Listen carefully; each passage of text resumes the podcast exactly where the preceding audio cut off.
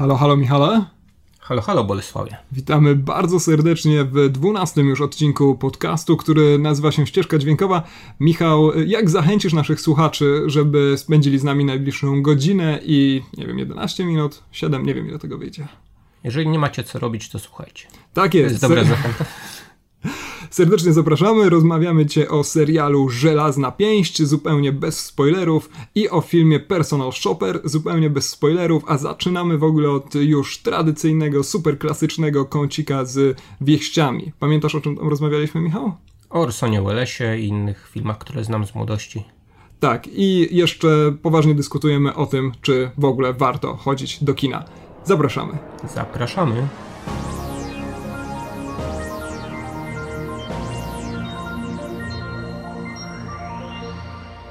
Rozpoczynamy nasz co dwutygodniowy mniej więcej kącik z newsami od tego, co po angielsku się tak ładnie nazywa Blast from the Past. Wygrzebujemy z rumowisko nazwiska niejakiego Orsona Wellesa, Michał. e, Kto go jeszcze pamięta? Człowieka, którego znamy przede wszystkim z dwóch znakomitych ról. Po pierwsze był narratorem na jednej z płyt e, heavy metalowego zespołu Manowar, a po drugie no, odwalił fantastyczną dubbingową robotę w animowanym filmie Transformers z 85 roku.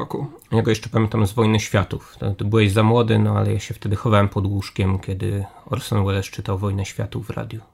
E, ale nie uciekłeś z miasta przynajmniej, czyli tak nieźle. Ja jeszcze pamiętam Orsona Wellesa z takiej sceny, która odbyła się w moim e, salonie, e, kiedy byłem mały, w telewizji na dwójce bodajże leciał jakiś film przygodowy, w, której, w którym grupa ludzi uciekała przed słoniami. Pamiętam, że zwróciłem na to uwagę, oderwałem się od kaczora Donalda, dlatego że na twarzy mojego taty, który patrzył na ten film też kątem oka, nagle zaczęła odmalowywać się taka głęboka groza. Zapytałem o co chodzi, a on podszedł do telewizora, wskazał mi jednego z ludzi, którzy takiego wyjątkowo otyłego, na króciutkich nóżkach, który usiłował uciec przed tymi słoniami. Słoniami czy słońmi? Słońmi, przed, nie wiem, przed tymi zwierzętami. Słonicami. Przed, a może po prostu były to Chociaż to słonice. seksizm. Słonice też mogą gonić Orsona Wellesa na ekranie. Ale- Wskazał mi tego mężczyznę i powiedział, to jest Orson Welles. Ja powiedziałem, y, wróciłem do czytania, y, ale to dziś, do dzisiaj dla mnie jest symbol tego, jak kariera Orsona Wellesa się potoczyła. Ta anegdota byłaby lepsza, gdyby Orson Welles grał słonia jednak. Niewiele mu brakowało. Chodzi, y, drodzy słuchacze, o to, że Netflix postanowił odnowić, uzupełnić, a nawet y, upublicznić dla zwykłego śmiertelnika film Druga strona wiatru, a zatem jedno z tych y, zaginionych, y, prawda, na pewno byłoby to arcydzieło, gdyby kiedyś udało się to skończyć, y, filmów, które Wells koń, kończył, no nie skończył, usiłował skończyć na początku lat 70. Y, Ty pamiętasz, Michał? Znaczy nie, nie, nie, nie, nie żebyś pamiętał, kiedy Wells pracował nad drugą stroną wiatru. Oczywiście, że pamiętam, tak, tak. Opowiedz nam, jakie tam przygody się działy i o co chodziło. List mówił, żalił się, że nie może skończyć tego filmu. Także John Huston robi mu pranki Mhm. przeróżne na planie na przykład. No, Odpisałem mu, że chętnie bym wsparł ten projekt, ale niestety komu na zabranie. Tak, nie, nie było jeszcze Kickstartera i dlatego właśnie Orson Welles nie skończył tego filmu. Filmu, który miał być taką satyrą zarówno na to klasyczne Hollywood, jak i na to Hollywood e, z lat 70. To takie nowe Hollywood z brodatymi reżyserami. To jest ulubiony okres Michała, który kiedyś wam o tym opowie. E, I co ciekawe, miał to być film utrzymany w formacie tak zwanego mockumentary, a zatem pseudodokumentu, tak jak wiele współczesnych seriali, na czele z Modern Family, najwybitniejszym w współczesnym sitcomem. Czyli znowu Welles byłby jakimś prekursorem, tak? Być może stworzyłby takie dzieło na miarę gracza Altmana, rozbił bank Oscarowy i tak dalej. Ale oczywiście się nie udało, jak w całej karierze Orsona Wellesa po obywatelu To by Kane. był tak. lepszy tytuł e, jak tych wszystkich biografii Wellsa. Nie udało mu się. Po prostu. No nie wiem, może pośmiertnie jakieś nagrody Emmy zdobędzie, tak? Y, Zawsze mam taki problem z tymi przechwytywanymi projektami. Mm, Komu przypisać autorstwo potem. Tak, zwłaszcza, że tutaj musimy się zastanowić, e, w jaki sposób Netflix zdecyduje się zapchać te nieistniejące fragmenty e, po drugiej stronie Tak, wiatru. tam między innymi Dennis Hopper grał, którego też już z nami nie ma. A, no tak, i to chyba od niedawna, dawno, prawda, prawda, prawda, prawda? Tak, tak, mi się zdaje. John Huston pojawiał się tam również Peter Bogdanowicz, który akurat jest z nami cały czas, nosi ten swój tak, charakterystyczny szaliczek na, na szyi, ponieważ tu siedzi, możemy go za ten szaliczek pociągnąć. O, Peter. E, no, sympatyczna atmosfera panuje w tym naszym podcaście. E, w każdym razie e, czekamy z niecierpliwością, pochwalamy, czy nie? Uważamy raczej, powiedz mi co mam myśleć Michał, że takie potencjalne arcydzieła powinno się w sferze potencjału pozostawić. Wydaje mi się, że powinniśmy zostawić te nieskończone dzieła takimi, jakie są. Nie wiem, czy przypominasz sobie jakikolwiek projekt taki dokończany po latach, który okazałby się jakimkolwiek sukcesem? Nie. No właśnie, to dla filmoznawców tylko takie ciekawostki. Więc uprzejmie prosimy Netflix, żeby również pozwolili e, Orsonowi Wellesowi, twórczości Orsona Wellesa, spoczywać w pokoju. Amen. E, a a propos, prawda, jak zręcznie przejdziemy do e, mielenia starych tytułów, porozmawiamy sobie krótko o tej wiadomości, o której, drodzy słuchacze, już słyszeliście nieraz, bo to news niestety stary, ale taki, który ciągle mnie e, prowokuje do gadania do mikrofonu, czyli reboot Matrixa. Pojawiła się plotka, że Matrix ma zostać nakręcony ponownie i wypuszczony na ekrany. Michał, ekspercki komentarz. Po co? Jakie masz wspomnienia z Matrixem, kiedy pojawił się w 99 roku? Mm. Głównym moim wspomnieniem jest para siedząca w kinie za mną. To było jedno z pierwszych moich doświadczeń kinowych, tak totalnie negatywnych, kiedy to mia miałem ochotę jak Lars von Trier użyć młotka w kinie e, w wiadomym celu. Wyglądało to mniej więcej e, tak w teleekspresowym skrócie, że pewien młodzieniec e, damie swego serca objaśniał każdą scenę na ekranie. No jak wiadomo, Matrix nie jest e, zbyt e, łatwym filmem do zrozumienia. Te wszystkie platońskie odwołania, różne zawijasy mindgame'owe i tak dalej. Nawiązania do klasyków ówczesnej tak, różne plany rzeczywistości. No ale na Boga, róbcie to w domu, ludzie. Tak, właśnie, znajdźcie sobie pokój, żeby gadać o filmach. To jest nasze przesłanie. Poza tym film mi się podobał. A, właśnie, rzeczywiście. E, ja tak oburzyłem się na ten reboot Matrixa, bo chyba mało który z filmów e, był otoczony tak mocną tajemnicą. Kiedy wchodził na ekrany w 99 roku, e, nawet kiedy szliśmy do kina, to nie do końca jeszcze wiedzieliśmy, czym ten Matrix tytułowy faktycznie jest.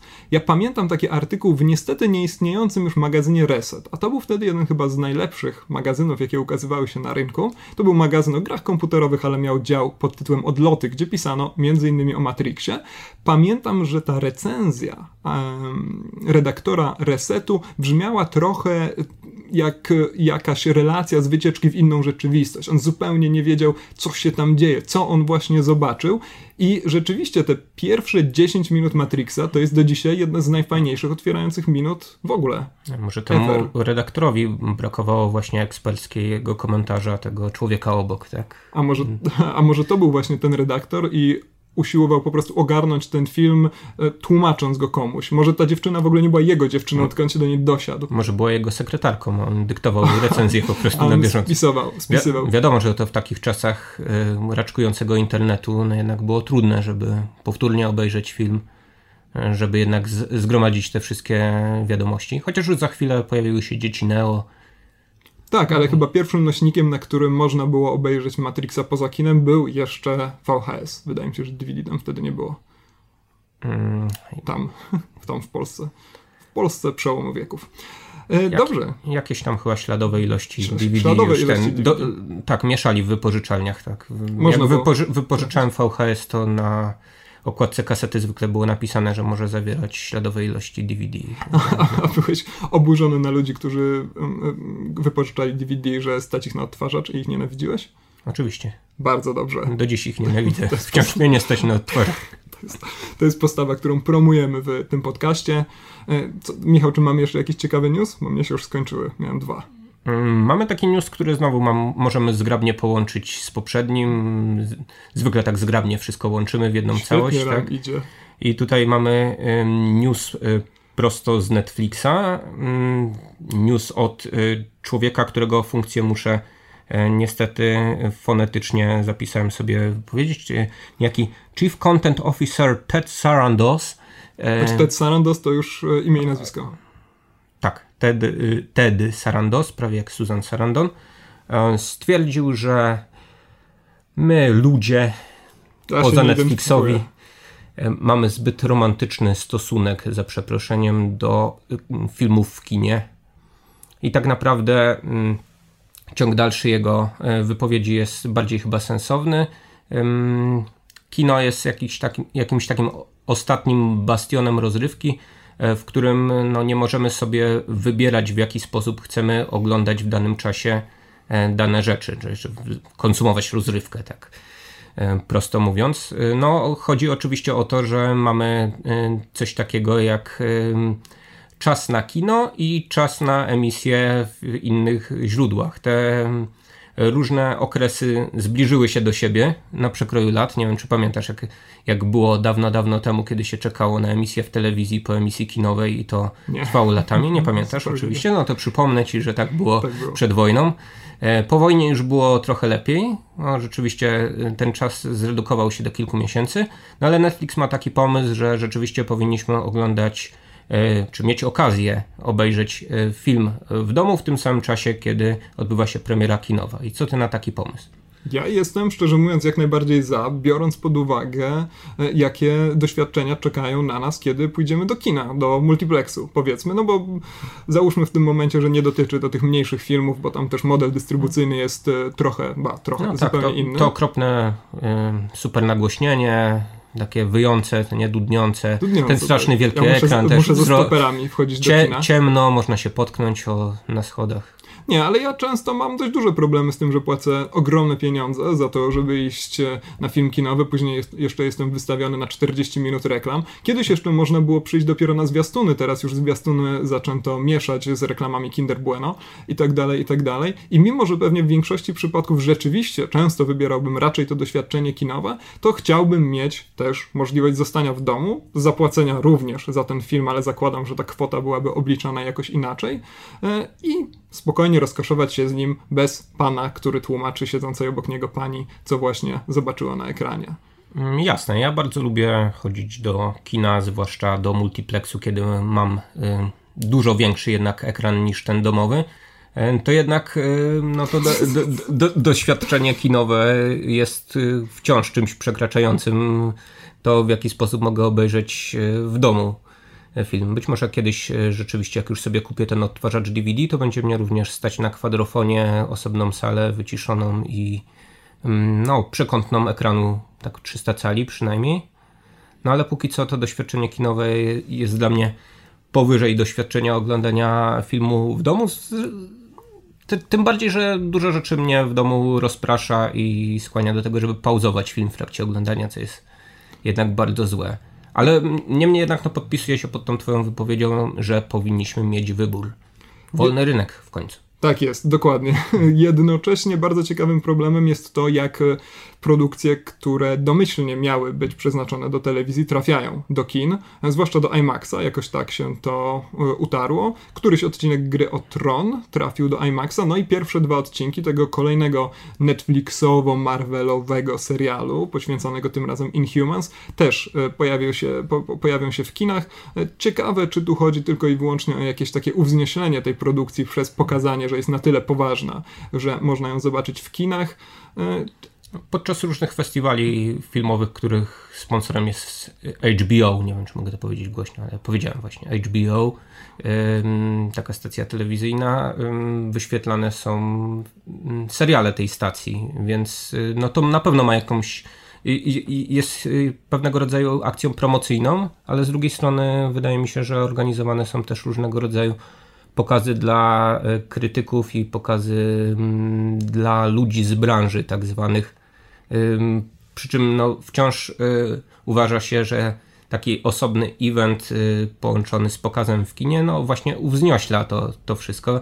Więc nie wiem, jak, nie, nie wiem, jak słowa tego pana z Netflixa mają się e, do tych pokazów. Być może Netflix nie organizuje tego, tego typu pokazów, no, nie, ale nie konkurencja, konkurencja na pewno organizuje. Ciekawe jest to, że tak naprawdę już dzisiaj pod kątem na przykład fotografii filmowej te produkcje telewizyjne od kinowych niewiele się od siebie różnią. Kiedyś, jeszcze na początku tego wieku, e, produkcje telewizyjne, seriale robione były raczej w ten sposób, żeby dostosować się na te ciągle jeszcze małe e, ekrany, mieliśmy dużo zbliżeń i tak dalej, i tak dalej. Wraz z tym, jak zaczęły rosnąć odbiorniki w naszych pokojach, e, tym bardziej produkcje telewizyjne zaczęły dostosowywać się do takich standardów kinowych. I nawet kiedy oglądasz takie seriale jak Breaking Bad akurat, to tam masz bardzo dużo planów, prawda, pełnych czy ogólnych, czy jak się to tam nazywa, w każdym razie, kiedy widzimy całą sylwetkę wraz e, z tłem. E, I takie rzeczy ogląda się równie dobrze w kinie, jak i na, na, na dużym ekranie, e, w, te, w salonie. Wydaje mi się, że widownia filmowa jest podzielona jak społeczeństwo polskie, nie przymierzając. No i rzeczywiście... Nigdy nie usiądziesz po, po, po prawej stronie od ekranu na przykład? No ja nigdy, nigdy, przeniknę. E, ostatnio pod takim newsem, który no chyba jest e, plotką, bo nie wiem, czy Martin Scorsese kiedyś skończy Irishmana, którego zapowiedział lat temu kilka. Netflix e, po, No właśnie pojawiło, po, pojawiła się informacja, że w Netflixie ma być te, tenże film emitowany i ma rekordowo wiele kosztować Netflixa, a w komentarzach pojawił się płacz i zgrzytanie zębów, że tego filmu w kinie nie będzie, tylko trzeba będzie go oglądać właśnie w domu przed monitorami, e, rzutnikami, czy też telewizorami własnymi. Czyli ten jednak bastion wyznawców e, oglądania w kinie istnieje w Polsce. Istnieje, no zwłaszcza jeżeli to jest grupa fanów Scorsese'ego, który jak wiadomo do kina jest niezmiernie przywiązany. Michał, rozmawialiśmy o twojej, o przygotowanej przez ciebie wiadomości bardzo długo, więc e, chyba wygrałeś dzisiaj. Twoja wiadomość okazała się ciekawsza niż moje. Przechodzimy dalej, a ja szykuję zemstę.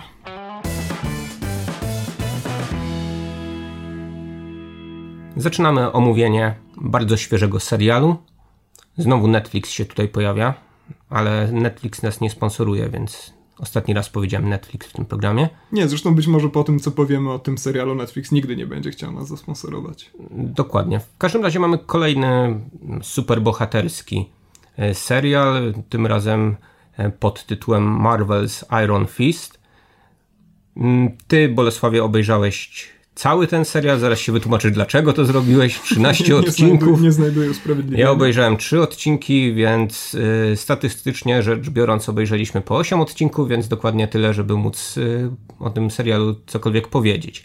Oczywiście będziesz miał do powiedzenia więcej, jako że jesteś Jak specem od komiksów, y, no i kung fu i, i w ogóle tych wszystkich strasznych rzeczy, które się dzieją na ekranie. Tak jest, ogólnie. Wszystko, co straszne, Więc za, to ja. za, zacznijmy może od tego, co cię skłoniło do obejrzenia w całości tego serialu. No właśnie, to jest kwestia, nad którą ja się długo zastanawiałem i chciałem taki poważny psychologiczny problem poruszyć w tym naszym słuchowisku. E, skąd się bierze taka potrzeba? Bo jestem przekonany, że to nie jest moja indywidualna potrzeba, żeby binge'ować, jak to się ładnie nazywa, czyli obejrzeć naraz ogromną liczbę odcinków. E, nawet serialu, który w żaden sposób mnie nie fascynuje. Wydaje mi się, że e, doszedłem po prostu do takiego momentu, kiedy kapitalizm zarządza już nawet moim wolnym czasem, czyli to przed czym już dziadek Marx e, przestrzegał. E, to jest e, zupełnie fascynująca kwestia, kiedy ja po prostu czasem chyba zdejmuję z siebie, oddaję komuś innemu, w tym przypadku złowrogiej korporacji, odpowiedzialność za to, żeby zorganizowała mi wolny czas. Więc jest mi, jest mi wstyd, szczerze mówiąc, że obejrzałem no, ale w przeciwieństwie do złowrogich korporacji telewizyjnych Netflix, znowu to powiedziałem, nie nakazuje ci oglądać tego serialu w danych porach zasiadać przed telewizorem i e, wyczyniać te wszystkie wieczorne rytuały prime time'u, które czasami ludzie odczyniają, jeżeli mają 50 lat albo więcej. E, no, tylko możesz właśnie obejrzeć sobie dowolną liczbę odcinków, więc no właśnie mogę albo wszystko obejrzeć naraz, albo, albo to sobie, tak jak powiedziałeś, dawkować, e, ale większą zagadkę stanowi nie to, jak ja to będę robił, tylko co o tym, co robią widzowie, twierdzą twórcy tych seriali. Bardzo trudne zdanie, e, ale mam nadzieję, że docenicie tą chyba aliterację, która tam się w pewnym momencie pojawiła. E, mianowicie Iron Fist to jest kolejny serial, w którym widać, że scenarzyści seriali Netflix e, ciągle nie wiedzą, czy raczej projektować te seriale tak, jakby one miały ukazywać się raz na tydzień, czy raczej dostosować je do ludzi, którzy obejrzą je w dwie, maksimum trzy doby. Ja bardzo liczyłem na to, że mm, tego typu mm, dostarczyciele treści będą w ten sposób e, mm, projektować seriale, że odcinków będzie dokładnie tyle, ile mm, treści zajmującej napiszą scenarzyści. Tymczasem wydaje mi się, że w przypadku tych superbohaterskich e, seriali Netflixa mamy do czynienia z taką sytuacją jak w telewizji, że oto zaplanowaliśmy sezon na 13 odcinków, więc trzeba wypełnić go treścią, bo 13 odcinków tutaj już przecież mamy w planach. I, i trochę się zawiodłem pod tym kątem, chociażby na drugim sezonie Daredevila, który wydał mi się e, nadzwyczaj rozciągnięty. Jessica Jones, która też była niezłym serialem, wydawała mi się serialem zbyt długim. No i chyba z Iron Fistem jest problem podobny, a może nawet pogłębiony. Tak, e, wracając jeszcze do tego problemu, to chyba jedynym serialem, który do tej pory bardzo dobrze sobie z tym problemem poradził, był serial Dziwniejsze Rzeczy, e, ponieważ w Stranger Things mieliśmy po pierwsze tylko 8 odcinków, aleluja, po drugie serial był skonstruowany tak jak film, pierwszy akt, drugi akt, trzeci akt, oglądało się to dzięki temu znakomicie, nawet jeżeli sam serial e, arcydziełem nie jest. I pod tym względem chyba Brytyjczycy rządzą, prawda, bo te seriale realizowane dla Channel 4 czy BBC mogą trwać trzy odcinki, może być tych odcinków 5, mogą być to produkcje, w których odcinki są półtora godzinne, mogą być takie, w których są 45-minutowe i wydaje mi się, że tutaj y, nie, nie ma jakiejś takiej odgórnej presji na twórcach, żeby y, dostarczać jednak tyle a tyle treści, bo no, tyle wymaga właśnie stacja, tak, nadawca. Tak jest. No, przechodząc już konkretnie do e, serialu Iron Fist, o czym, że to jest? E, Michał, czy z tych trzech odcinków, które widziałeś, już możesz nam e, zarysować fabułę Iron Fista? Mm, tak, nie spoilując za mocno, przybywa po 25 latach do Nowego Jorku człowiek w piżamie. Prawdopodobnie to jest piżama, w każdym razie jakiś dziwny strój, który zwiastuje na to, że przybył ze wschodu ze wschodu dość... E, nie ma też butów, co od razu sugeruje, że e, przybył ze wschodu. Tak, i nie jest Wojciechem Cejrowskim, no ale Wojciech Cejrowski też przybyłby ze wschodu do Nowego Jorku. Mógłby prawda? też tam iść i zostać gdzieś na głębokim wschodzie. W przeciwieństwie do Wojciecha Cejrowskiego na szczęście ten e, człowiek nie mówi tak wiele, za to bije się cokolwiek precyzyjnie, no nie od, nie od pierwszego odcinka. I od czasu do czasu pięść mu się świeci żółtym odblaskiem no co wskazuje na to, że ta pięść jest no nie pięścią zwykłą, ale właśnie tytułową żelazną. Odblaskową. Odblaskowa pięść. Ciekawe, ile by sprzedali egzemplarzy komiksu i później serialu, gdyby tak zatytułowali ten film. Tak jest i Danny Rand, bo o nim mowa, jednocześnie usiłuje też odzyskać to, co e, tak pompatycznie nazywa swoim dziedzictwem. Udało mi się nie popełnić tutaj żadnego e, błędu w wymowie On jest trochę takim Bruce'em Wayne'em na, na wygnaniu, prawda? Tak jak pamiętam Batman początek. A trochę no to... też Bruce'em Lee na wygnaniu. No proszę, jak pięknie się to zgrywa. Y, I Johnem Wayne'em. Więc rzecz dzieje się tak naprawdę głównie, ponieważ przypominam, tym jego dziedzictwem jest korporacja rodzinna prowadzona, nie wiem czy założona jeszcze przez jego rodziców, nazywa się po prostu Rand. I dzieje się ta rzecz tak naprawdę w dużej mierze właśnie w takich korporacyjnych budynkach. To jest być może mój pierwszy problem z wielu z tym serialem, właśnie przestrzeń serialowa. Dostajemy film właśnie o jakimś mistrzu kung fu, który przybywa ze wschodu, a tak naprawdę w większej chyba części ten film dzieje się w takich bardzo nieatrakcyjnych, bardzo brzydkich też korporacyjnych wnętrzach i tylko na przykład ociera się o to fascynujące nowojorskie Chinatown. Ja sobie doskonale zdaję sprawę z tego, że kiedy umieszcza się jakikolwiek film, czy w ogóle jakikolwiek tekst kultury w Chinatown, to jest trochę problemów z reprezentacją e, i tak dalej. I tu się stąpa po bardzo cienkiej linii, ale jednocześnie, zwłaszcza to nowojorskie Chinatown, to jest taka głęboko fascynująca przestrzeń, sobie zapisałem, ekscytująca hybryda kultur. To jest tak, że idzie się, idzie się i nagle zupełnie przenosi się w tak naprawdę w właśnie taką, taką bardzo dziwaczną przestrzeń, którą trudno zdefiniować, trudno ogarnąć i której czuje się po prostu, że ona pulsuje e, czymś, czego y, zmierzają tam, nie wiem, z centralnego Manhattanu, właśnie nie jesteśmy w stanie od razu ogarnąć. No a tutaj naturalnym środowiskiem bohatera są korporacje, e, więc nic dziwnego niestety, że tam się to dzieje. Na starcie tego serialu mamy coś w rodzaju miniatury takich małych Chin, ale to trochę wygląda jak taki park rozrywki, właśnie taka symulacja, bo oczywiście bohater trafia w centrum jakiegoś chińskiego święta, gdzie pojawiają się słynne chińskie smoki, gdzieś tam sobie lampiony fruwają, ale to wszystko wygląda po prostu jak taki zainscenizowany skrawek Disneylandu na potrzeby tego serialu. No, trudno, trudno powiedzieć, że dobrze zostało zasymulowane to środowisko, w którym akcja powinna się rozgrywać, prawda? Jest. I y, ta przestrzeń w ogóle prze, przelewa się na główne wątki tego filmu. Y, dla mnie kolejnym problemem jest to, że jest tu po prostu za dużo korpospraw. To jest, film, to jest serial, znowu, który nazywa się Żelazna Pięść, a tymczasem ja oglądam, e, jak e, panowie i panie w garniturach siedzą w różnych, znowu, brzydkich korpo pomieszczeniach e, i tam sobie rozmawiają o kwestiach związanych z przyszłością, przeszłością i teraźniejszością firmy. Choć wyobrażam sobie, że wspaniały byłby ten serial, o ile wspanialszy, gdyby rzeczywiście opowiadał on o problemach korporacyjnych, ale rozwiązywanych za pomocą kung fu.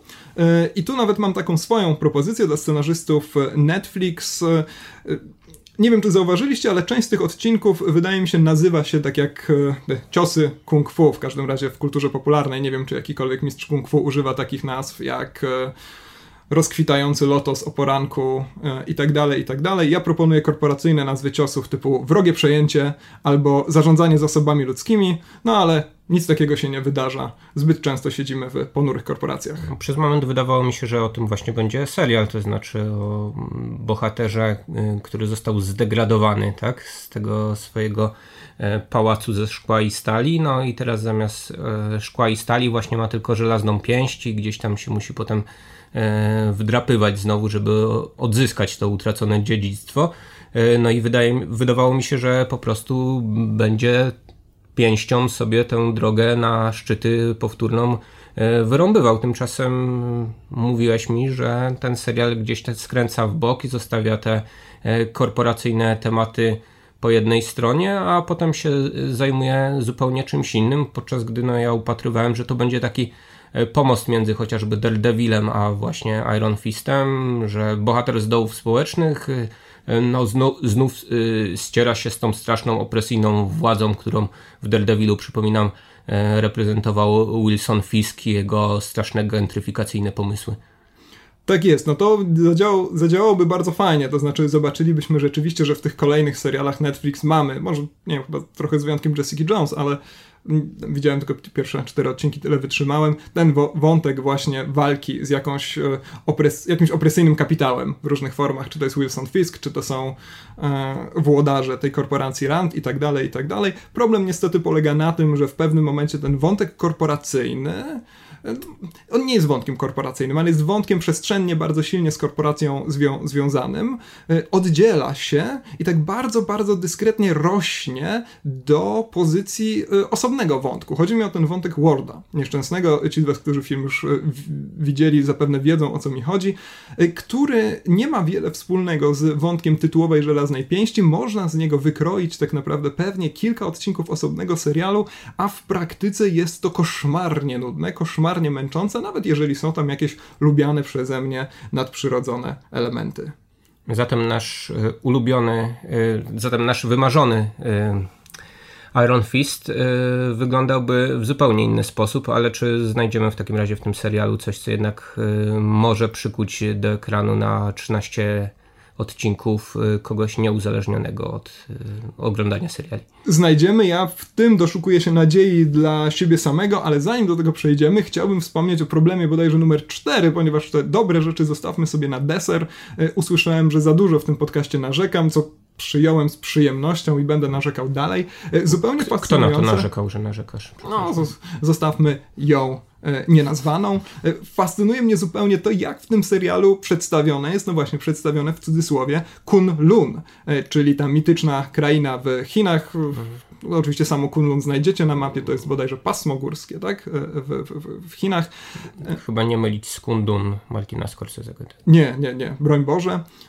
Otóż tam w klasztorze właśnie 20, nie, 10, 15, 15 lat Danny Rand spędził, no i cały czas opowiada o tym Kunlun. Dowiadujemy się, że... mu pobud tam, tak. Dowiadujemy się, że Kunlun to jest jedna z bodajże siedmiu stolic niebios. Dowiadujemy się, jak tam jest przepięknie, jaką on fascynującą edukację musiał przejść. No w końcu z dziesięciolatka, który rozbił się gdzieś tam y, w Himalajach, y, wyrósł z niego mistrz sztuk walki. Tymczasem, no, zawsze kiedy gdzieś, cały czas się nam wspomina o Kunlun, ale nigdy się nam tego Kunlun nie pokazuje. I ten serial jest trochę jak taki klasowy kłamca, który zawsze jest w każdej klasie. Wy też na pewno takiego mieliście. Może sami nim byliście, może ja nim byłem, nigdy się tego nie dowiecie, e, który się cały czas chwali, cały czas opowiada, gdzie to nie był, czego to on nie ma, ale kiedy dopytujemy go o detale, to on już zaczyna się jąkać. E, na przykład w jednej z moich klas był taki chłopak, który w pewnym momencie zaczął chwalić się, że ma drewniane rolki firmy Casio. I trochę Kunlun jest jak te drewniane, firmy, drewniane rolki firmy Casio. Chciałbyś to zobaczyć, ale kurczę, no no, kiedy przychodzi co do czego, to nagle się e, wycofujemy. Sprawdziłeś w internecie, czy są drewniane rolki? Wtedy jeszcze nie było internetu, mhm. a przypomniałem sobie dopiero przy okazji tego serialu o tym, o tym to, to, to, tej prawda zabawnej anegdotce z mojego dzieciństwa. Trochę podobnie zresztą Danny Rand zachowuje się, kiedy proszą go o to, żeby zademonstrował żelazną pięść. On cały czas mówi, nie, nie, mogę, bo, moje, bo jestem teraz pod wpływem narkotyków i moje czy nie, mogę, nie może się skupić. E, nie mogę, bo nie wykonałem czegoś tam czegoś i tak dalej. Czyli w Hollywood by się odnalazł. Wydaje mi się, że tak obok takiego Rona Habarda na przykład, tak mógłby założyć jakąś swoją sektę i też opowiadać takie różne niestworzone rzeczy, a pewnie... Tak, a jakby go poproszono, żeby pokazał odblaskową pięść, to on powiedziałby, y, mogę, ale mi się nie chce. No, no to Tomowi Cruzowi by to wystarczyło. Tak, tak, no, na pewno mu to y, wystarczyło. Y, dobra, pytałeś, co mi się w tym serialu podobało, więc po pierwsze, i to chyba wbrew większości opinii, z którymi się spotkałem, podobała mi się postać Daniego Randa, granego przez Fina Jonesa, znanego z ulubionego serialu y, Michała, czyli Gra o Tron. On jest takim zupełnie szokującym połączeniem... Nie będę tego komentował. Kochasz Gra o Tron. Kontynuuj. Kochasz. Gra o Tron, Michał. To jest zupełnie szokujące połączenie takiego mocno nierozgarniętego dziesięciolatka z takim archetypem archetypicznym mistrzem zen. E, rzeczywiście, kiedy słyszymy o tym, że ktoś spędził 15 lat w jakimś chińskim klasztorze, no nie wiadomo, czy tam, czy Kunlun, które znika, pojawia się i tak dalej, ma jakąś przynależność państwową, ale w każdym razie odebrał tam ostre lekcje dyscypliny umysłu, ciała i tak dalej, no to spodziewamy się, że on będzie mm, nadzwyczaj spokojny, nie reagował na prowokacje, no i przede wszystkim rozdawał sentencje na lewo i prawo, a E, siły swoich pięści użyje poza dojo e, dopiero w, w sytuacji e, ostatecznej. Tymczasem Danny Rand wygląda właśnie jak ten nierozgarnięty dziesięciolatek. On się zachowuje jak kretyn. Przybiega do tej korporacji w pierwszych odcinkach jeszcze, więc to już widziałeś i jest przekonany, że wszyscy go rozpoznają. Zupełnie nie wie, jak funkcjonuje świat. Wszystko, nauczono go po prostu tłuc ludzi po twarzach, ale nie nauczono go żadnego zdrowego rozsądku. No, ale Kloszard w parku przynajmniej pokazuje czym jest internet. Ale on wie, i, czym i jest internet. On 15 lat temu zniknął, tak? Czyli w 2002 roku. To nie, rozumiem, że no, może zdziwił się, że w takim małym pudełku, czyli komórce, internet może działać, ale jest, jednak, jednak wie chyba, czym jest internet, ale to nawet nie jest kwestia tego, czy on wie, e, co to wielka, oplatająca cały świat sieć, czy nie, ale to, że on po prostu zachowuje się właśnie jak takie bardzo zabawne dziecko. Do tego jeszcze aparycja Fina Jonesa idealnie do tego pasuje, ten jego blond makaron na głowie. Swoją drogą za każdym razem, kiedy się schylał przed kimś e, w szacunku, takim geście szacunku, schylał głowę przed kimś, to miałem wrażenie, że mówi patrz na mój makaron, mm. patrz na moje nudle na głowie. Bardzo mi się to podobało. I Daniel Rand zaczął mnie denerwować dopiero chyba po siedmiu od ośmiu odcinkach. Jesteś nadzwyczaj cierpliwy dla takich przyrośniętych bobasów, bo mnie zaczął denerwować od pierwszego odcinka. No i ja... ja kocham dzieci. Aha, okej, okay. no to wiele wyjaśnia. Nie? Adoptowałbyś, tak? Takiego, takiego kłamczucha Pinokia. A do czego w takim codziennym życiu mogłaby się przydać taka odblaskowa pięść? Chociaż nie, on by nigdy z niej nie skorzystał, by powiedział, że nie może skupić swojego chi. No, Można byłoby na przykład spacerować nocą bez tych wszystkich odblasków um, przyczepionych do kurtki. I tak dalej. Tylko tak machać sobie. No tak, ale on by nie mógł skupić swojego chi, więc niestety Michał. A, autostop niezły chyba samochód. też. A, właśnie, ale mm, on e, otwierać tę pięść, a tutaj musiałby przecież wysunąć kciuk, e, uczy się dopiero e, pod koniec serialu. Druga rzecz. Tak, ale jeszcze chciałem mhm. tak nawiązać do tego mistrzowskiego wychowania, o którym wspomniałeś. To nie będzie jakiś długi wywód, tylko chciałem zapytać, dlaczego uważasz za mistrzowskie wychowanie okładanie dziecka kijami, no bo jednak wśród tych nielicznych przebłysków z tej magicznej niebiańskiej krainy, o której wspomniałeś, y, mamy dokładnie to, więc nie wiem, czy to jest y, serial promujący wychowanie poprzez przemoc, czy o co chodzi. Chciałem wyraźnie zaznaczyć, nie uważam za dobry sposób wychowania dzieci lanie ich kijami, ani po plecach, ani po jakiejkolwiek innej części ciała. W ogóle dzieci powinno trzymać się z dala od podłużnych drewnianych przedmiotów. Y, chodziło mi o osiąganie mistrzostwa w jakiejś Czyli dziedzinie. na nartach no, w nie tym przypadku, jeździć, tak, tak Jezu przede wszystkim. Mm. W tym przypadku w sztukach walki. No to jak się do tego dochodzi, jak, e, jaką drogę, jaką metodykę prezentują w Kunlun, to jest inna kwestia. Druga kwestia, która mi się podobała w tym serialu, to jest Colin Wing e, czyli koleżanka, dziewczyna, prawda, jest jakiś romansik Daniego Randa, grana przez aktorkę, która jest obdarzona zupełnie kapitalną charyzmą, fantastycznie się ogląda na ekranie, mimo że postać jest dość banalna, nawet jeżeli jest tam jakiś zwrot akcji, dowiadujemy się o, o niej czegoś szokującego. E, to jednak to jest przykład tego, jak e, sama ekranowa obecność jakiejś postaci potrafi nas przyciągnąć do ekranu. A do powiedzmy prowadzi klub sztuk walki, gdzie na bambusowe miecze biją Michał, ty jesteś lekceważący wobec takich kilkutysięcyletnich tradycji. A propos tłuczenia się na miecze, widziałeś tam w ciągu trzech odcinków jakąś walkę, która sprawiła ci satysfakcję? Że robiłeś, że nie chciałeś to naśladować później albo coś? Nie, walki zupełnie nie sprawiają mi satysfakcji, tak w życiu doczesnym, jak i ekranowym. Inaczej się spełniasz. Wy, wystrzegam się, tak. Ja tutaj reprezentuję jednak y, wartości Gandiego, także jestem za dyplomatycznym rozwiązywaniem konfliktu. Ale czy w ciągu tych trzech odcinków był jakiś pojedynek kung fu? Mm, był pojedynek e, Dany kontra drzwi. E, tak, czym, pierwsze e, zastosowanie odblaskowej części. Drzwi wytrzymały mniej więcej tyle co Gołota niegdyś na, na ringu.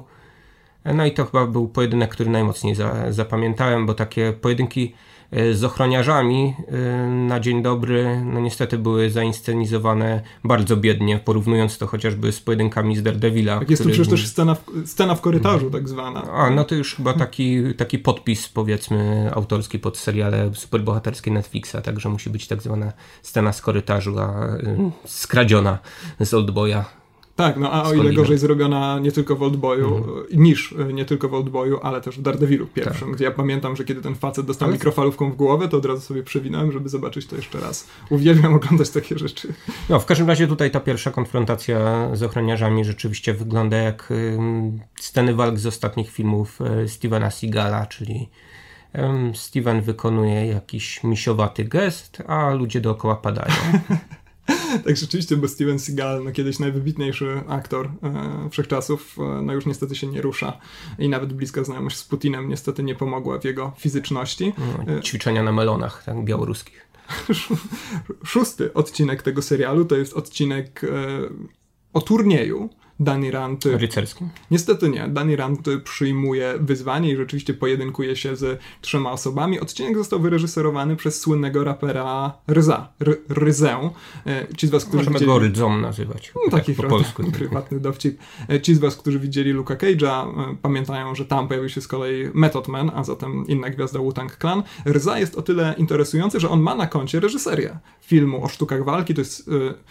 Film, który nazywa się Nomen Omen Men with the Iron Fists, po polsku po prostu Człowiek o żelaznych pięściach. E, widziałeś to kiedyś? Nie widziałem, ale no, wyda wydaje się, że to właściwy człowiek na właściwym miejscu, tak? Yy, no, Taki, który no, nawet no. hip-hop chciał połączyć ze sztukami walki. No niestety ani Człowiek o żelaznych pięściach, ani szósty odcinek e, Iron Fista to nie są udane rzeczy. E, ja bardzo lubię, w ogóle bardzo lubię filmy o sztukach walki. E, uwielbiam to, jak ludzie się męczą i pocą na ekranie, a ja sobie siedzę i jem chipsy. Bardzo lubię filmy o turniejach. Ja mam wielką słabość do obu części Mortal Kombat. Mam wielką słabość do takiego filmu jak Quest, z wspomnianym przez nas w ostatnim odcinku Jean-Claude'em Van Damme, no ale tu niestety ten turniej jest okropny, ponieważ wydawałoby się, że każdy z tych przeciwników powinien mieć jakąś e, fascynującą charakterystykę, a niestety nie ma. Na początku są jakieś żule, Później jest dość banalna, mocno zerotyzowana e, dziewczyna. E, nie, to ja bym coś chciał więcej o, tych, o tych żulach. Sobie, okay. Obejrzysz sobie żuli, są bardzo zabawni, jeszcze walczą kosą i tak dalej. Trochę to wygląda jak e, po taki pojedynek Ale... na maczety, który mamy za oknem tutaj jako osoby Ale kosą w, w sensie są kosynierami, czy takimi kosami? Tak, mm... kości, ko, z kosynierami kościuszki. Nie, mają nóż. Ojej. Mają nóż. Ojej, ojej, no dobra. No, tutaj... a, a później znowu wracamy do faceta, który po prostu jest no, jak jakimś tam dość standardowym mistrzem e, walki, więc zdecydowanie lepiej obejrzeć sobie Questa, gdzie tam mamy e, pojedynki e, narodowe wręcz, tam jakaś Turcja mhm. kontra Chiny na przykład i każdy... Tak, to zawsze jakieś tam emocje rozpala, tak, tak jak mecze na euro. Tak. Jakoś Albania kontra Turcja kontra Unia Europejska, na przykład w remake'u Questa to byłoby znakomite. I a propos takich nawiązań, to w jednym z kolejnych odcinków pojawia się taki archetypowy pijany mistrz. E, to oczywiście jest taka postać, która w tych e, filmach kung fu regularnie wracała. No ten jest tak pijany, że nawet zadaje ten klasyczny cios pośladkami, którzy wszyscy z was oglądający klasyczne filmy z lat 70. doskonale, prawda, kojarzą. Myślałem, że tak pijany, że należąco się pojedynkuje. Nie, po części też, prawda, bo to jest to taki bardzo, ten bardzo charakterystyczny styl walki, styl poruszania się. To no, wygląda świetnie. Polski styl walki to znamy z weekendów w Krakowie. Tak, ciekawe jak Iron Fist poradziłby sobie na, na polskiej ulicy. Dobra, skończmy, skończmy już, bo nie dość, że marnowałem 13 godzin życia, to jeszcze marnuję czas e, słuchaczy. Czy mhm. tu masz jeszcze jakiś komentarz na temat odblaskowej po, Polecasz jeden odcinek, chociaż Iron Fista, jakiś wybrany taki w losowy sposób być może, czy, czy Wszystkie te odcinki mi się zlewają, one się niemal niczym od siebie nie różnią. No to... Joss Whedon niedawno w jakimś wywiadzie powiedział, że jego dużym problemem z tak przygotowanymi serialami jest to, że te odcinki nie bardzo się od siebie różnią. Mhm. Y, Joss Whedon to jest oczywiście człowiek, który potrafił w połowie sezonu wrzucić musical do swojego serialu i tak dalej, i tak dalej. Y, Ale to popieram, to znaczy, to znaczy fakt jest, faktem jest, że przy odcinkach oglądanych co tydzień jesteś w stanie wyodrębnić je jako zamkniętą całość i nawet ocenić czasami inaczej niż resztę serialu. A przy takim binge-watchingu to jest bardzo trudne. Próbowałem czasami po obejrzeniu trzech czy czterech odcinków zrekapitulować to, co widziałem i który odcinek był lepszy od poprzedniego, ale nie, no to już jest nie. jakaś taka magma. Tu pewnie musiałbym jakiś segment wydzielić, na przykład 7-11. Mhm. Ale to i tak są aż 4 godziny z waszego życia, które możecie spędzić zdecydowanie lepiej. Przy innych serialach. Witamy w kolejnym wydaniu naszego hitowego segmentu Terra Premiera. Dzisiaj zajmujemy się filmem Personal Shopper e, Oliviera Sayasa, filmie, który jest na naszych ekranach od ostatniego piątku e, i oczywiście konkuruje, choć nie bardzo, ponieważ nie wyświetlałem go w multiplexach, więc nie wiem, nie wiem czy konkuruje, nie wiem po co powiedziałem, z wielkim hitem pod tytułem Piękna i Bestia. Postanowiliśmy jednak zupełnie świadomie o Pięknej i Bestii nie opowiadać, e, spróbować przeciwstawić się tej korporacyjnej nomen omen bestii Disneyowi, e, co nie bardzo się udało, jeżeli słuchaliście naszych 25-minutowych wywodów na temat serialu Iron Fist, więc postanowiliśmy, o Disneyu pełno w mediach, e, raczej skupić się na, prawda, takim skromnym kinie europejskim dzisiaj i chyba trochę przestrzeliliśmy. Nie wiem, czy takim zupełnie skromnym, ponieważ y, jednak mamy tutaj wielką gwiazdę Kristen Stewart, prawda? Mamy bardzo dużo różnych kapitałów zaangażowanych w fundusze i tak dalej, ale nie psuj mamy tego. nagrodę w Cannes dla aury. reżysera tak, tak Olivera tak, Asayasa, też już niemłodego reżysera, 60-letniego, mniej więcej od lat 90 dość znanego i w pewnym e, okresie, od pewnego czasu już e, pupilka, można powiedzieć, e, festiwalu w Cannes, nie tylko dlatego, że jest Francuzem, ale dlatego, że kręci dość przyzwoite filmy i za swój poprzedni film Sils Maria no, zbierał zasłużenie, wydaje mi się, różne nagrody i pozytywne recenzje. A tu mamy taki dziwny film, który jest trochę chyba spin-offem Sils Maria, przynajmniej ja go tak e, traktuję, ponieważ e, Sils Maria, przypomnijmy, to był film, w którym Kristen Stewart grała asystentkę Juliette Binoche. Juliette Binoche grała taką zmanierowaną aktorkę, a Kristen Stewart, można powiedzieć, przejmowała ekran w każdej scenie, w której się pojawiała, grając właśnie tę asystentkę i teraz wydaje się, że Oliver Assayas E, wyciągnął tę postać z drugiego planu na pierwszy plan. Wciąż Christian Stewart gra asystentkę, no ale trochę inną. Tak jest. Ja. E, a nie, to może powiedz konkretnie. E, zarysujesz nam fabułę Personal Shopper. Będziemy starać się rozmawiać, właśnie, nie spoilując. Właśnie gra tytułową postać. to określenie nie ma polskiego odpowiednika nie ma. z tego, co Choć Google twierdzi inaczej. Film, co prawda, przepraszam, że ci tak okrutnie jak zwykle, zresztą przerywam, ale film dystrybuowany jest u nas przez Aurorę rzeczywiście jako personal shopper. Kiedy wpiszemy ten tytuł do Google'a, to jeszcze sama strona wyszukiwarki poinformuje nas, e, że film Asayasa nazywa się Stylistka, choć Stylistka to ponoć nie to samo, co shopperka personalna. No nie został ten film przetłumaczony na zakupiarę. tak? w, w, pewnym momencie... Zakupiankę. Ja, ja jednak wolę zakupianka, to brzmi tak bardziej lokalnie. Lub zakupiasz e, w wersji męskiej, ponieważ mężczyźni też e, mogą kupować różne rzeczy. E, asystentka do spraw zakupów to zresztą oficjalne tłumaczenie, które pojawia się w ramach filmu. Ja przyznam się szczerze, że bardzo rzadko śledzę nagrody na festiwalach filmowych. Często, kiedy na wakacyjnych festiwalach nadrabiam filmy, których nie zobaczyłem w ciągu roku, to jestem zdziwiony, że o, ten film dostał taką nagrodę za to, a ten za to, prawda? E, ale e, zawsze jakoś interesuje mnie ta nagroda w Cannes za reżyserię. Mam z nią zresztą dobre doświadczenia, kilku moich ulubionych reżyserów. E, te laury pewnie po dziś dzień na skroni nawet do kąpieli nosi. No i dlatego na Personal Shopper wybrałem się z dużymi oczekiwaniami, e, zwłaszcza, że na papierze ten film zapowiada się fantastycznie, proszę Państwa. Mamy tutaj wielką modę i ja i Michał to bardzo lubimy. Mamy tutaj Oczywiście. Kristen Stewart, która jest e, znakomitą aktorką, jeżeli akurat nie, nie musi męczyć się z franczyzami, e, która stara się rozmawiać z duchami, a jednocześnie cały czas unosi się nad nią takie złowrogie widmo potencjalnie nagłej śmierci. Pojawiają się tu też inne dramatyczne wydarzenia, nawet kto, ktoś tutaj gwałtownie kończy czyjeś życie e, i tak dalej. E, no ale przyznam, że mimo tej efektownej tekstowej zapowiedzi o zwiastunie nie będziemy się wymawiać, nie, nie będziemy rozmawiać, bo to zwiastuny to jest zupełnie inna historia.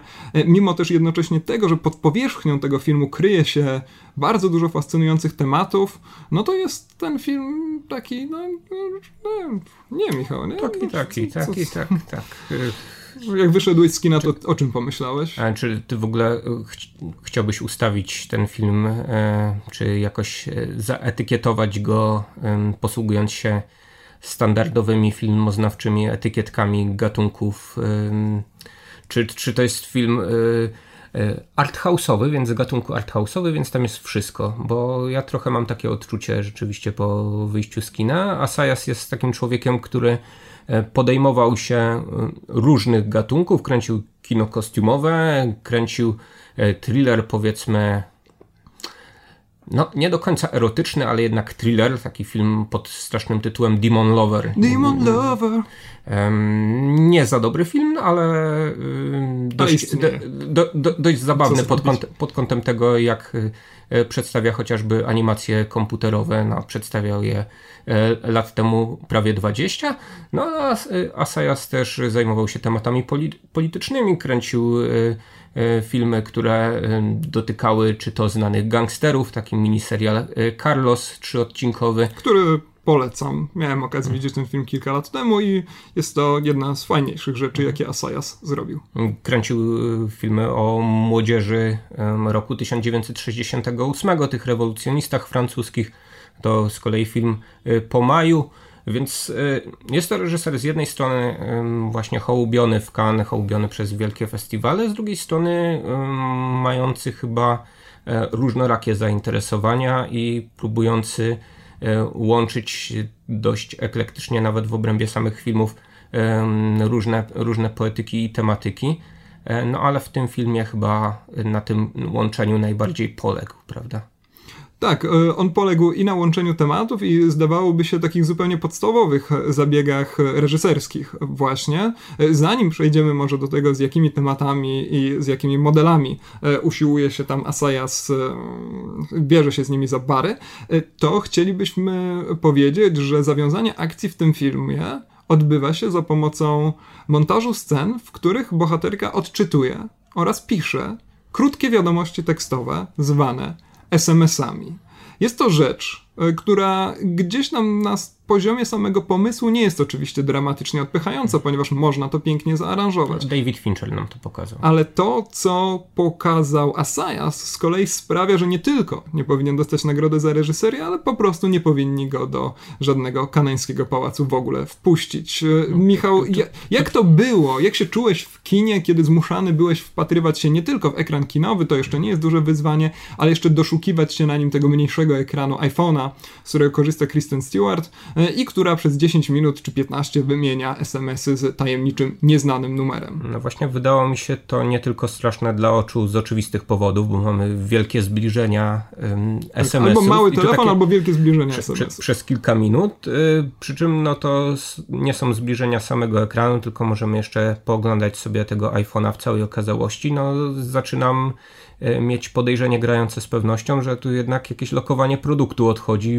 ponieważ ten iPhone jest też E, w paru innych scenach e, prezentowany w taki sposób trochę jak na reklamach, że oto można obejrzeć sobie na nim e, film taki retro z lat 60. i rzeczywiście fragmenty tego filmu znowu są pokazane w ten sposób, że widzimy iPhone'a w całej okazałości non-stop z tym iPhone'em w tylnej kieszeni Kristen Stewart sobie biega tu i ówdzie, robi sobie selfie wreszcie tymże iPhone'em, no a inne produkty Apple'a gdzieś tam na drugim planie także występują, nawet E, wśród tych e, zleceń od e, swojej szefowej no nie tylko są zlecenia zakupów, ale również przeprowadzenia aktualizacji w Macu. To jest słaba reklama, aktualizacje powinny robić się same. Dokładnie, zwłaszcza w tak. Powinna zadzwonić do Maca i powiedzieć mu, tak znakomitym się. produkcie, tak, którego jesteś wyznawcą, zresztą będąc w sekcie Steve'a Jobsa. Tak, e, no co tu prawda, Michał, skomentować. E, odjechałeś tak przygadać, od, od tematu. E, wracamy do tych SMS-ów, ale trochę się, nie wiem, trochę zacząłeś mówić o takich dziwnych rzeczach. Musisz kontynuować tę rozmowę, bo ja się zupełnie pogubiłem. Tak, no wspomniałeś o tym, że te SMS-y są jednak dość istotne w strukturze fabularnej całego filmu. One jednak jakoś E, wprowadzają nową, a może nie nową postać. Tutaj nie, no nie będę spoilował, bo obiecałeś, że spoilować e, nie będziemy. No i jest problem rzeczywiście e, z, z, filmem, który chce opowiadać w taki, w taki dziwny sposób i który posługuje się jednak z ducha innymi zupełnie scenami, czyli scenami chociażby podróży na skuterze poprzez pomiędzy różnymi butikami głównej, głównej bohaterki, czemu, czemu towarzyszy jakieś takie dosyć anachroniczne, dziwne piłowanie Jordiego Savala, to jest taki specjalista od muzyki dawnej. Nie wiem, czy miałeś okazję się kiedyś zetknąć. Skądinąd całkiem dobry i czasami w filmach różnych używanych. We wszystkich porankach świata na przykład jego tak, muzyka tak, tak, występuje i jest y, znakomicie użyta. No a tutaj sobie ją Asajas wstawia, mówiąc po młodzieżowemu, od czapy zupełnie.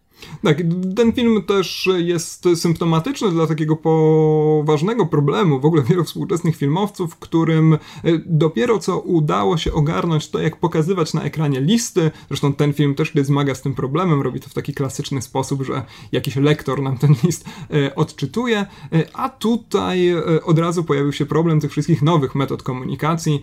Tutaj chodzi nie tylko o SMS-y, ale bohaterka też na przykład w pewnym momencie rozmawia na Skype'ie, którego Asai Zayas postanawia, postanawia rozdmuchać na cały e, kinowy ekran. Tego się oczywiście nie da oglądać. Jest kilka jeszcze takich detali. Bohaterka przygląda się na przykład tym wspomnianym przez ciebie e, filmikom na komórce i tak dalej, i tak dalej. E, to są oczywiście kwestie, które może nie wpływają na to, jak odbieramy pewne wariacje na temat tematyki tego filmu, ale oglądało się to po prostu piekielnie ciężko. Nie wiem, być może trochę Asajas pomylił y, synonimiczne użycie słowa medium, prawda? Bo wychodzi od tego, że y, medium był y, brat głównej bohaterki. No a tutaj nam opowiada o różnych mediach i to, jak różne media pokazują to jest ciekawe spostrzeżenie. Pamiętam, że kiedyś na Pudelku czytałem w moim ulubionym e, portalu plotkarsko-interwencyjnym, czytałem informację o tym, że bodajże Wojciech Cejrowski, który kolejny raz wraca w tym podcaście, jest to chyba pewien problem, e, mówił właśnie, kojarzył w taki bardzo gładki sposób medium jako narzędzie komunikacji chociażby mnie z Michałem, e, z medium jako narzędziem komunikacji kogoś z duchami. No i to od razu oczywiście gdzieś tam niebezpiecznie zbliża się do jakiegoś... medium używa medium, czyli państwa i tak. Medium kwadrat, tak? Tak jest. E, Michał, dobra, ale to jest jednak film, który nie tylko e, stara się wymyślić jakiś, i zresztą ponosi porażkę, sposób na to, jak pokazywać SMS-y na ekranie. E, to jest też film, który, jak mi się zdaje, stara się opowiadać o bohaterce, która ogólnie ma problemy z komunikacją. To gdzieś tam nawet ona nawet tak efektownie czasem ucieka przed kamerą. Te zdjęcia zdają mi się w ogóle chyba, chyba jedynym takim wyraźnie pozytywnym elementem tego filmu, ponieważ towarzyszy im jakaś wizja z góry zaprogramowana i w miarę, w miarę konsekwentnie przeprowadzona.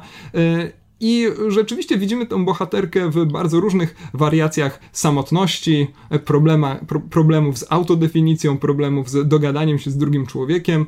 E, w pewnym momencie po prostu wypisuje nam na komórce, że chciała być, być kimś innym i tak dalej, jeżeli widzowie mieli jeszcze jakiekolwiek wątpliwości.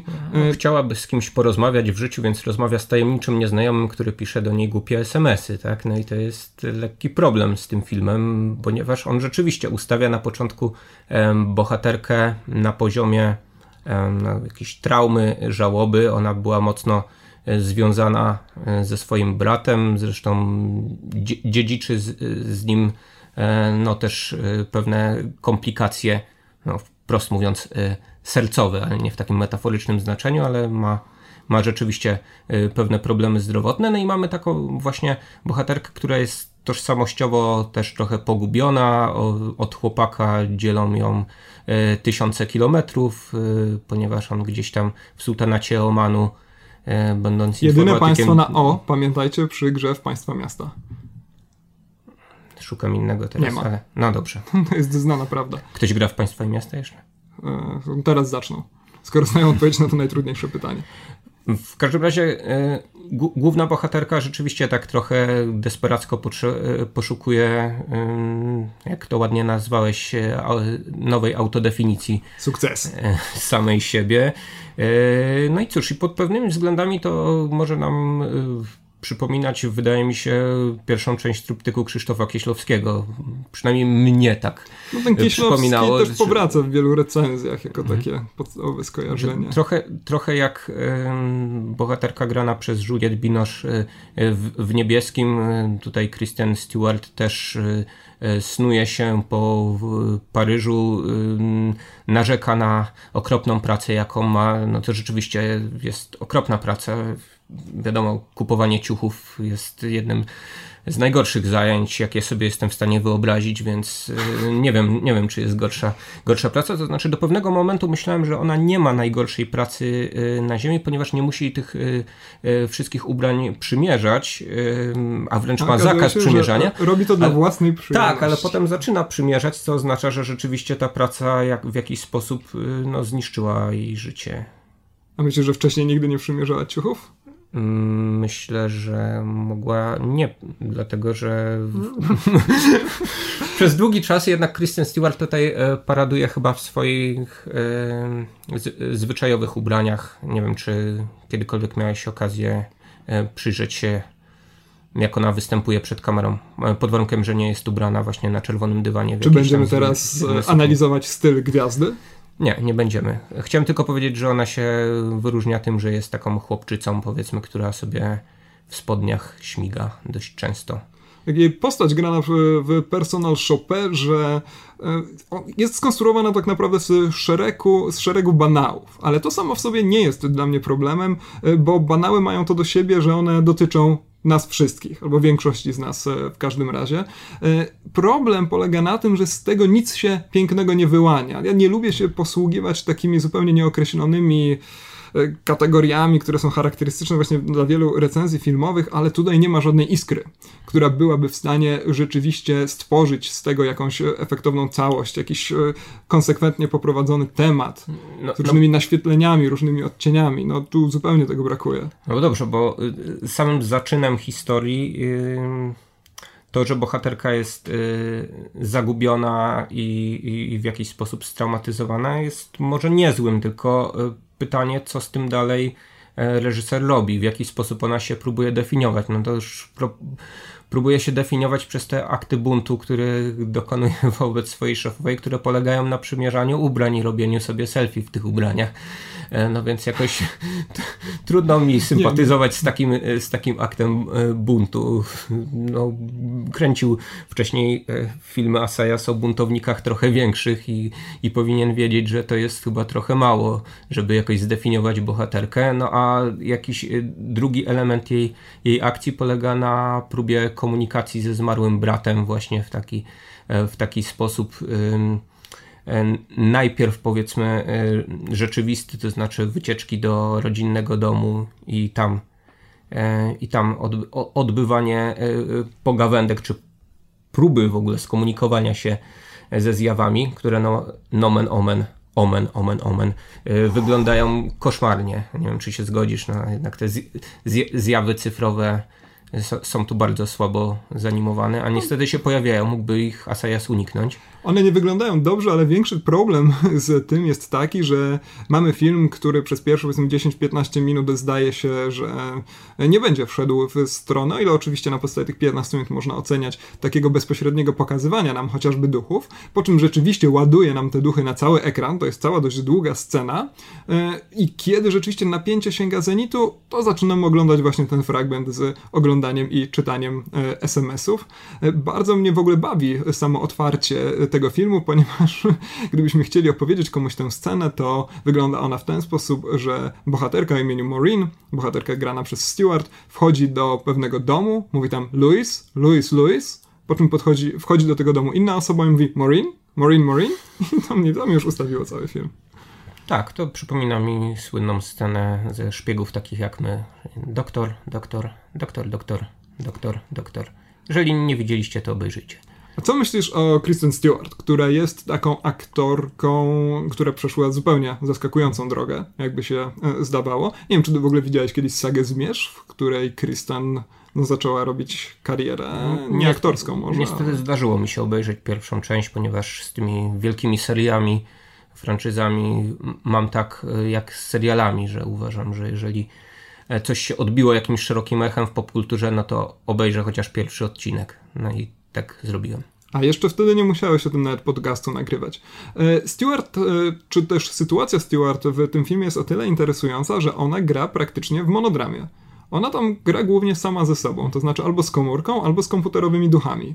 E, a nawet w pewnym momencie niekomputerowymi, nie wiadomo czy nie duchami, prawda? Nie do powiedzenia, tajemnica. Ona w ogóle... tam są. Takie rzeczy. Och, proszę Państwa, w każdym razie proszę nie oglądać po północy.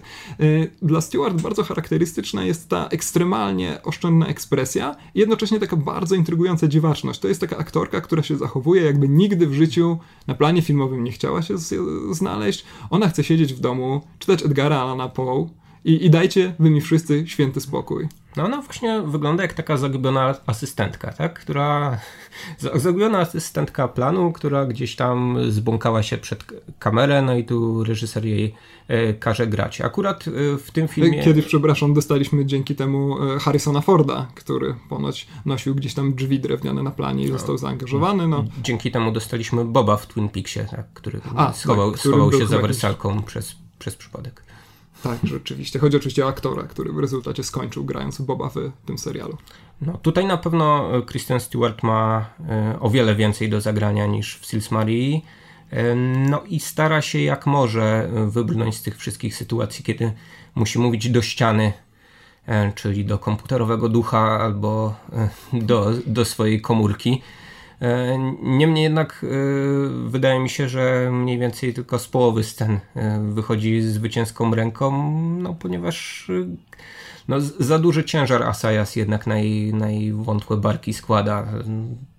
Przy okazji taka, taka mała dygresja ale Jacek Szczerba.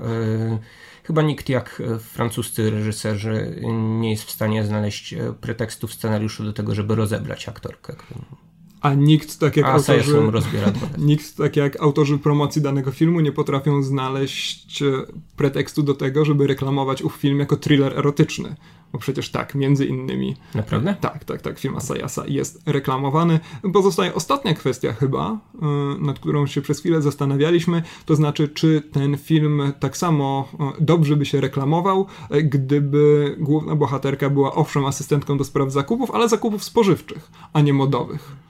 Znaczy, wydaje mi się, że łatwiej by mi się było jednak utożsamić z taką bohaterką, która krąży gdzieś między warzywniakiem, kioskiem ruchu i y, no to już, y, to już wychodzimy poza spożywcze tematy rzeczywiście. No ale dobra, to powiedzmy, że między jednak warzywniakiem, co tam... Na, na targ przede wszystkim organicznym. tak, oczywiście. się dostać, nie udałoby się dostać ulubiona, ulubionego hummusu jej, jej, jej praco, pracodawczyni, tak, no to organiczna zupa gdzieś tam wylałaby jej się po drodze i tak dalej. Tak, jak chleb na zakwasie oryginalny się skończył, no i co wtedy robić?